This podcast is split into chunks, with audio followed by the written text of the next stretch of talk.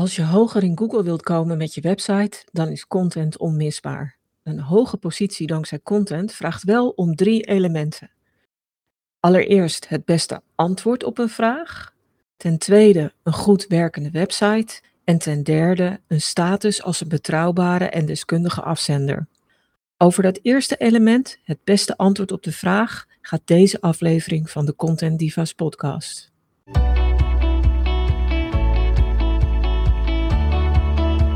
Een hoge, mooie positie in Google bereiken. Ja, dat willen we eigenlijk allemaal wel. En daarom wil ik daar in deze podcast wat verder op ingaan, omdat ik toch nog steeds van mening ben, en dat wordt onderbouwd door allerlei resultaten en onderzoek, dat content uiteindelijk de sleutel tot succes is om een goede positie in Google te bereiken voor relevante zoekopdrachten. In deze podcast wil ik een aantal dingen aan de orde laten komen. Ik kan hier natuurlijk niet alle geheimen delen die er zijn, of liever gezegd geheimen, in geval alle elementen delen die, er, die een rol spelen bij succes in Google. Ik wou dat het mogelijk was om dat in 20 minuten te behandelen. Dat kan niet. Maar ik kan wel een deel behandelen en je een beeld geven van wat er mogelijk is en waar je dan op moet letten. Dus daarom wil ik in deze podcast een aantal dingen adresseren. Allereerst het grote geheim achter content succes. En eigenlijk is het geen geheim, het is gewoon een sleutel. Een aantal praktische tips om die content te maken waarmee je echt kans maakt op een goede positie in Google. Ik wil het hebben over de soorten zoekresultaten en hoe die samenhangen met zoekintenties en waarom je daar eigenlijk onderzoek naar zou moeten doen. En tenslotte wil ik je een paar handige tools aanraden waarmee je de basis legt om deze tips ook uiteindelijk zelf in de praktijk te brengen. Ja, wat is nou het geheim van succes in Google?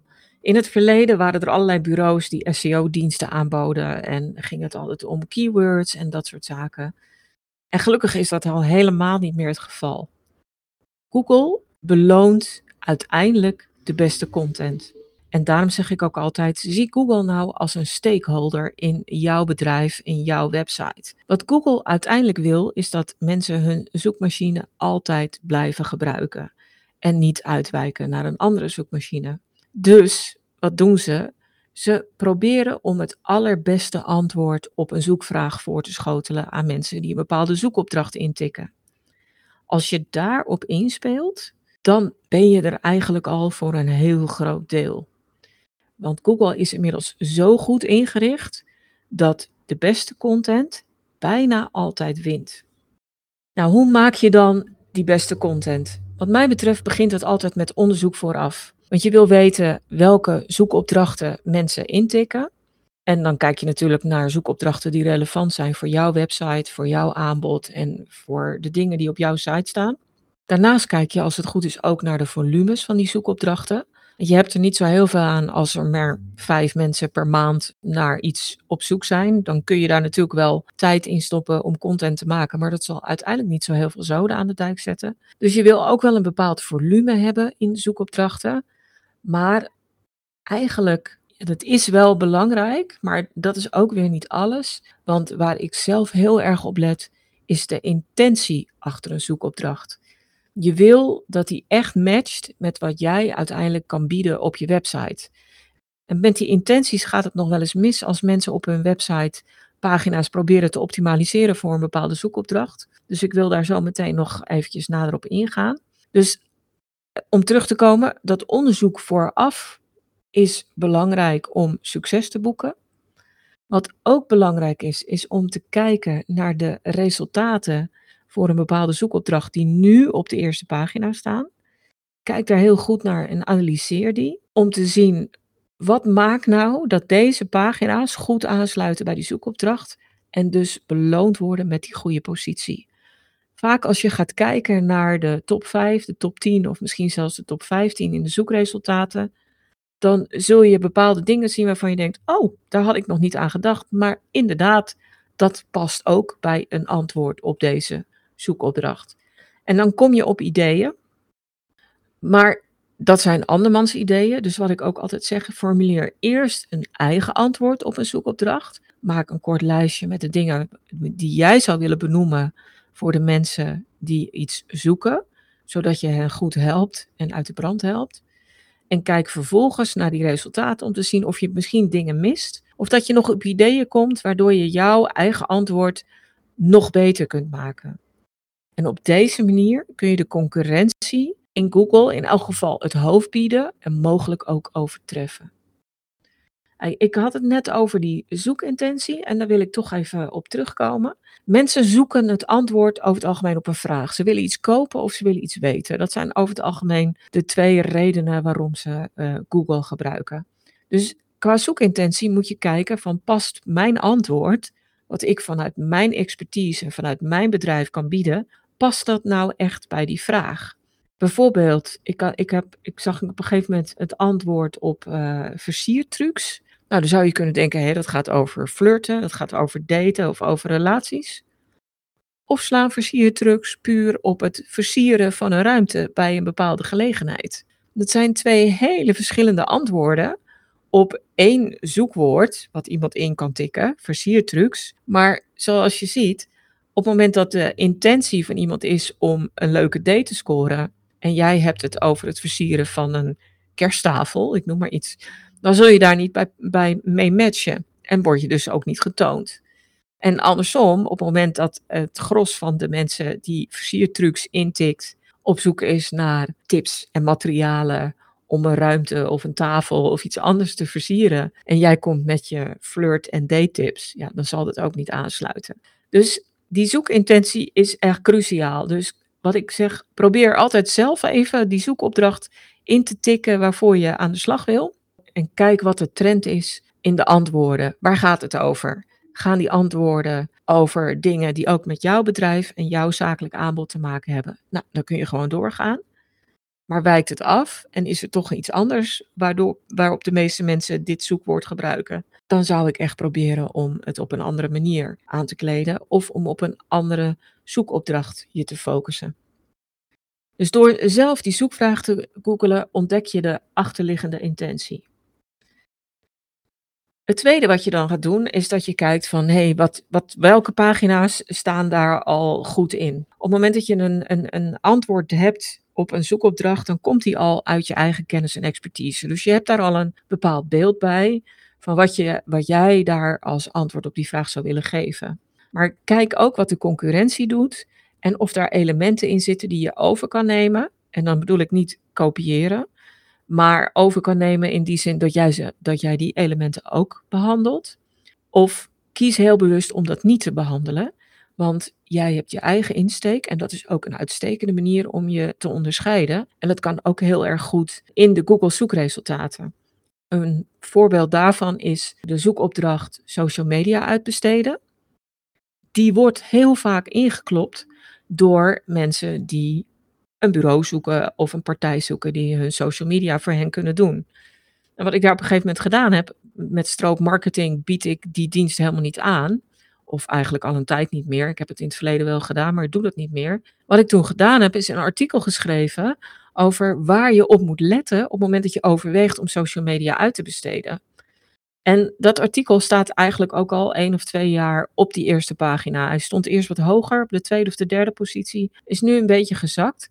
Maar zoals je ziet, heb ik daar mijn eigen invulling aan gegeven. En dat wordt ook beloond. Want we hebben niks aan acht artikelen op de eerste pagina die min of meer hetzelfde zeggen. Dus een eigen insteek is ook heel nuttig. Maar kijk daarvoor wel bij de concurrentie om op ideeën te komen. Om te kijken van welke van die ideeën voor jou ook bruikbaar zijn. En hoe je het misschien juist wel helemaal anders wil doen. En in combinatie met je eigen antwoord ga je aan de slag. De beste content die de beste positie krijgt, is vaak, toch vaak het beste antwoord op de zoekvraag. En dat betekent over het algemeen dat het antwoord volledig moet zijn en dat het prettig leesbaar of kijkbaar moet zijn en dat het goed ingedeeld moet zijn. Dus de structuur van de pagina en van het antwoord op die zoekvraag moet kloppen. Er moet echt een begin, een midden en een staart aan zitten. En een hoop mensen denken dan dat het lange content is. Ja, dat kan, want als je volledig bent en de zoekopdracht is ook redelijk breed en vraagt om een wat breed antwoord of een uitgebreid antwoord, dan zul je op lange content uitkomen. Maar op het moment dat, de, dat het antwoord in 10, 15 regels gegeven kan worden, geef hem dan ook gewoon in 10, 15 regels. Zet er misschien nog een leuke afbeelding bij. Of doe er, doe er iets creatiefs nog mee. Maar ga het niet langer maken dan strikt nodig is. Want een simpele vraag die beantwoord kan worden met een simpel antwoord, dat is ook wat degene die hem inklopte uiteindelijk zoekt. Dus dat is dan in feite ook weer het beste antwoord op de vraag. Soms is kort en bondig toch gewoon het beste antwoord. Dus probeer altijd het beste antwoord te verzinnen. Verplaats je in degene die zoekt en vraag je af, wat, wat wil die weten? En misschien ook wat wil die nog meer lezen? Want je hoeft natuurlijk niet alles op één webpagina te behandelen. Je kunt ook de basis aangeven en vervolgens verwijzen naar verwante artikelen op jouw website. Misschien op andermans website als jij dat verwante artikel niet hebt. En als je dat niet erg vindt om naar een ander te verwijzen. Maar je kunt er dus ook vanaf je basispagina nog andere pagina's aan toevoegen, zodat er een heel mooi content geheel ontstaat. En de maatstaf die ik altijd hanteer en die ik je aanraad om ook te hanteren is: maak content die zo goed is dat anderen ernaar zouden willen linken of dat ze het verder willen delen. Dus ze hebben een antwoord gevonden waarvan ze denken van wauw, daar heb ik wat aan. En trouwens, die of die kan er ook iets aan hebben. Of trouwens, de bezoekers van mijn website kunnen hier ook iets aan hebben. Dus ik ga in een artikel op mijn website hier naar linken. Als je dat als maatstaf houdt en je probeert vanuit jezelf en je eigen expertise het beste antwoord op die vraag te formuleren, dan weet je gewoon dat er een goed artikel staat waarmee je degene die zoekt echt een dienst bewijst. Op het moment dat je bedacht hebt van nou, deze elementen zouden in een webpagina moeten zitten om een goed antwoord op die vraag te geven, ga dan schrijven. Of laat je tekst schrijven en, en laat een SEO gespecialiseerde tekstschrijver hierop losgaan en voorzie die van de juiste input. Vraag je ook af of tekst het beste medium is om dat boodschap over te brengen. En misschien zijn illustraties of een video wel heel erg handig om een beter antwoord te geven, maar ook om je positief te onderscheiden van de andere pagina's die goed scoren in Google. Want op het moment dat je een goede illustratie neerzet, dan zullen mensen daar naar kijken en hem tot zich nemen. En dat vraagt tijd. Dan blijven ze langer op de pagina. Hetzelfde geldt voor een video. Dus als ze langer op een pagina blijven, dan is dat voor Google een signaal van hé, hey, hier staat blijkbaar iets wat matcht met die zoekintentie. En dit is blijkbaar een goed passende pagina. Dus dat is een positief signaal dat Google krijgt, waardoor ze jouw pagina ook die positie laten behouden in Google of waardoor ze besluiten om je pagina iets te laten stijgen. Dus het begint vaak wel met tekst, maar kijk zeker of je aanvullende illustraties of video kunt toevoegen die een extra uitleg geven, die misschien een andere manier geven ook om uh, voor mensen om het tot zich te nemen, want niet iedereen is tekst- en lees georiënteerd. Maar het, het breekt ook de tekst. Dus op het moment dat je illustraties toevoegt, is dat ook even een breekpunt waarbij iemand die zeker op een lange pagina zit, waarbij die persoon een korte pauze kan nemen. Dus dat is ook heel erg fijn. Wat je ook nog kunt doen op een webpagina die echt goed scoort, is dat je andere functies toevoegt. Bijvoorbeeld een inhoudsopgave die je bovenaan zet, waarbij je laat zien van dit of dat of dat zijn de elementen die op deze pagina behandeld worden. En er zijn ook allerlei webtools voor waarmee je dat heel mooi op een website kan zetten. Zodat er vanuit die inhoudsopgave ook ankertjes zijn. Waarmee mensen gemakkelijk naar het betreffende stukje tekst kunnen. En heel makkelijk door die pagina heen kunnen laveren. En misschien ook gewoon scannend door kunnen nemen. Wat betreft dat scannen, eigenlijk scant iedereen eerst een pagina. Bijna iedereen doet dat. En bijna niemand begint gewoon met lezen en begint aan het begin en zakt dan af. De meeste mensen scannen toch een pagina. Faciliteer die scanners dan. Dus zorg voor een goede titel, voor een goede beknopte inleiding die inspeelt op de verwachting die ze hebben op het moment dat ze op die pagina komen en die ook laat zien wat ze verder op die pagina krijgen. Gebruik goede koppen. En soms is het heel handig om mensen aan de hand van de koppen al een beetje een samenvatting van het verhaal te geven. En zo krijgen ze ook al meteen een beeld van: oké, hier ga ik vinden wat ik zoek voordat ze verder gaan lezen. Als je afbeeldingen plaatst, zet er dan ook een onderschriftje bij op het moment dat dat relevant is. Want die onderschriften zijn ook weer heel fijn om te scannen en geven ook weer een stukje extra informatie. Gebruik voldoende witruimte op je pagina en gebruik ook korte alinea's. En dat hoeven niet per se alinea's van vier of vijf regels te zijn. Het mag ook best wel wat langer. Maar probeer ze niet heel erg lang te maken. En kijk juist als je een heel lang verhaal hebt, of je toch niet even in, in kortere stukken kunt opbreken, met ook weer eigen kopjes. En dat is puur omdat mensen online heel graag scannen. Dus je voorziet in het leesgemak en het consumptiegemak van deze webpagina. Nou, als je deze tips gebruikt, dus om goede content te maken, die matcht met de zoekintentie, die zich positief onderscheidt van de pagina's die al hoog in Google staan, dan gaat het in 9 van de 10 gevallen goed. Maar niet altijd. En wat is nou die tiende geval? Soms kan de beste content toch niet winnen.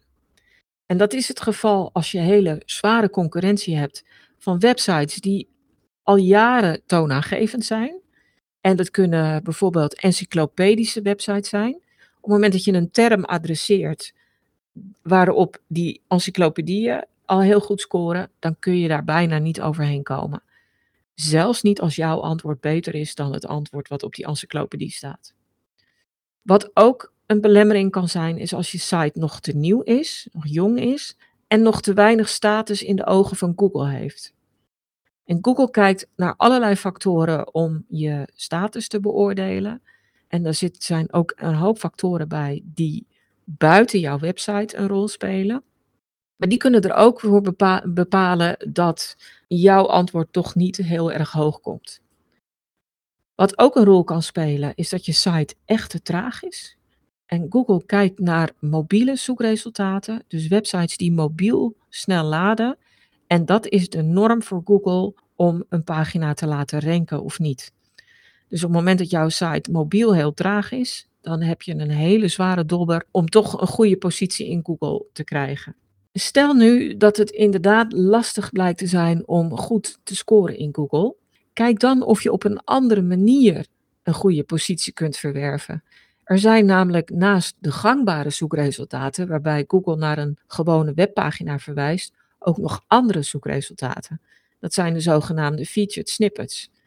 En die zie je vaak bovenaan en soms ook in het midden van een pagina met zoekresultaten staan. En wat zijn dat nou? Dat kan van alles zijn. Dat kan een samenvatting zijn.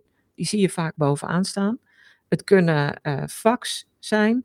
Het kunnen vermeldingen van een lokaal bedrijf zijn. Dus dan zie je Google Maps. Het kunnen video's of afbeeldingen zijn. Die staan dan ook weer bovenaan. Maar het kunnen ook boeken zijn, reviews, evenementen, data, vacatures. En het kunnen ook nog eens podcasts zijn. Dus er zijn veel meer soorten zoekresultaten. Dus sta je niet altijd blind op het maken van een hele goede tekst of een goede webpagina met veel tekst. Maar kijk ook of er andere manieren zijn om een goede positie in Google te verwerven, omdat die ook de aandacht trekken en heel erg nuttig en waardevol zijn. Nou, hoe kun je daarop inspelen? Allereerst om te kijken bij deze zoekopdracht, wat zie ik daar verschijnen?